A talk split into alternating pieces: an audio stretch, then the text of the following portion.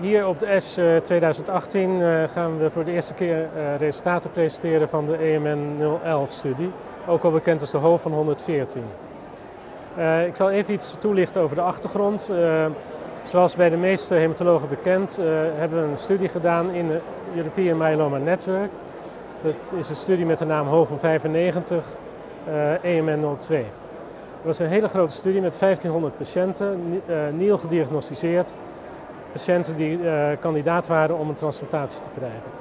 Nou, die studie is inmiddels uh, drie jaar geleden afgerond en de resultaten zullen binnenkort gepubliceerd worden. Maar één uh, kenmerk in die studie is dat patiënten uitgebreid behandeld werden met bortezomib en lenalidomide plus een transplantatie. En de vraag die zich voordoet, wat kunnen we nou voor therapie geven aan patiënten wanneer ze na zo'n intensieve behandeling progressie vertonen of een relapse krijgen?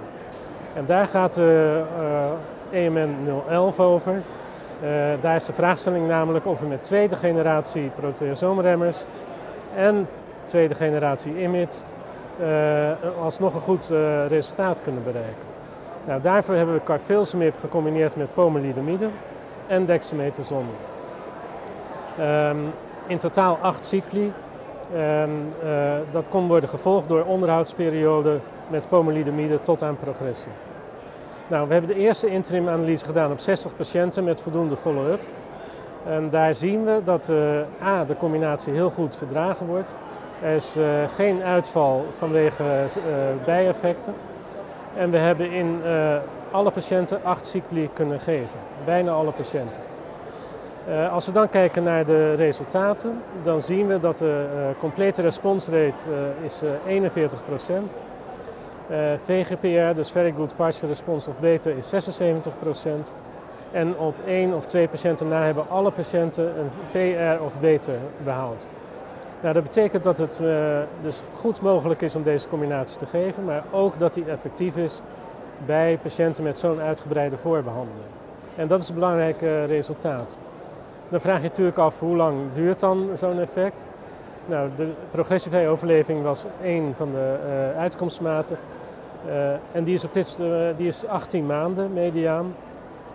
met de kanttekening dat er nog 40 patiënten niet zijn meegenomen in de analyse. Dat gebeurt bij een volgende analyse.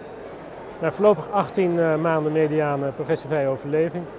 En de overleving, overall survival, die zit nu op 85 Dus daar kunnen we nog geen mediaan van geven. Nou, als je nou kijkt, uh, wat zijn nou de uitkomsten en wat betekent dat voor de praktijk? Uh, dan uh, is onze mening dat dit een heel goed getolereerd en bruikbaar schema is in deze situatie. En dat het dus voor patiënten die progressie vertonen na de standaard eerste lijn een goed alternatief is.